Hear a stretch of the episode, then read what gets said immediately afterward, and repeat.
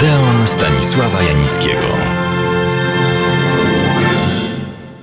Kontynuuję dzisiaj moją opowieść o jednym z największych, najwspanialszych aktorów filmowych, choć z powodzeniem występował również przez całe życie na scenie, w filmach dokumentalnych, który nazywa się Henry Fonda, ojciec równie co on sławnej córki Jane Fonda, o której opowiem wkrótce, bo na to ze wszech miar zasługuje.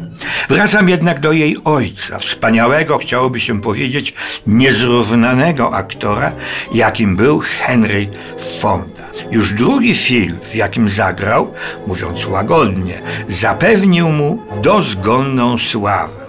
Nie wiem, czy istnieje taka zasada, ale w filmie hollywoodzkim pewną regułą jest film pierwszy, bo on decyduje o dalszej karierze.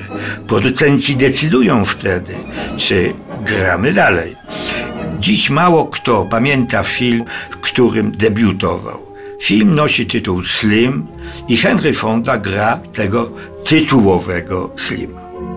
Najważniejsze było, że jego gra była tak dobra, że mocodawcy Hollywoodu uczynili go w filmie Jezebel partnerem samej Betty Davis.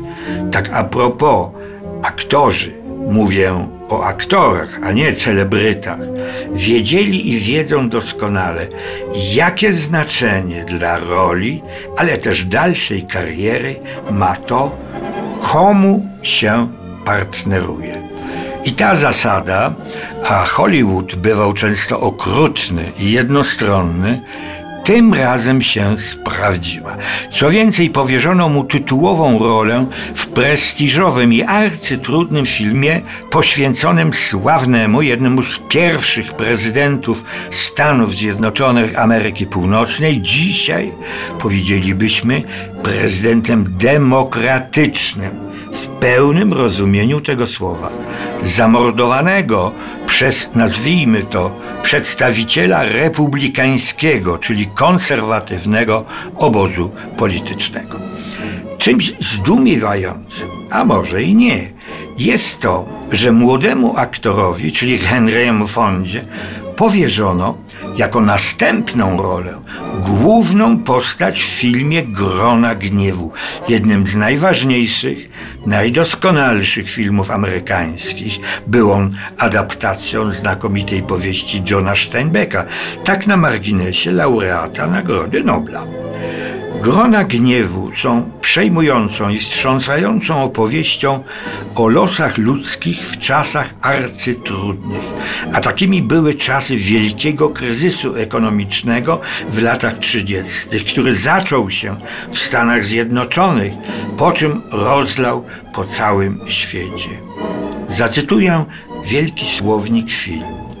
Radzina dziadów ubogich farmerów z Oklahomy zostaje zmuszona przez suszę i bezwzględność właścicieli gruntów do opuszczenia gospodarstwa i migracji w poszukiwaniu lepszych warunków egzystencji. Podróż rozklekotaną ciężarówką okazuje się koszmarem, a cel wędrówki Kalifornia w niczym nie przypomina ziemi obiecanej.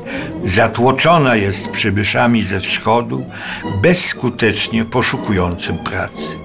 Główny bohater a tego gra znakomicie Henry Fonda, w akcie zemsty zabija mordercę i ścigany przez policję dociera do obozu zorganizowanego przez władze federalne.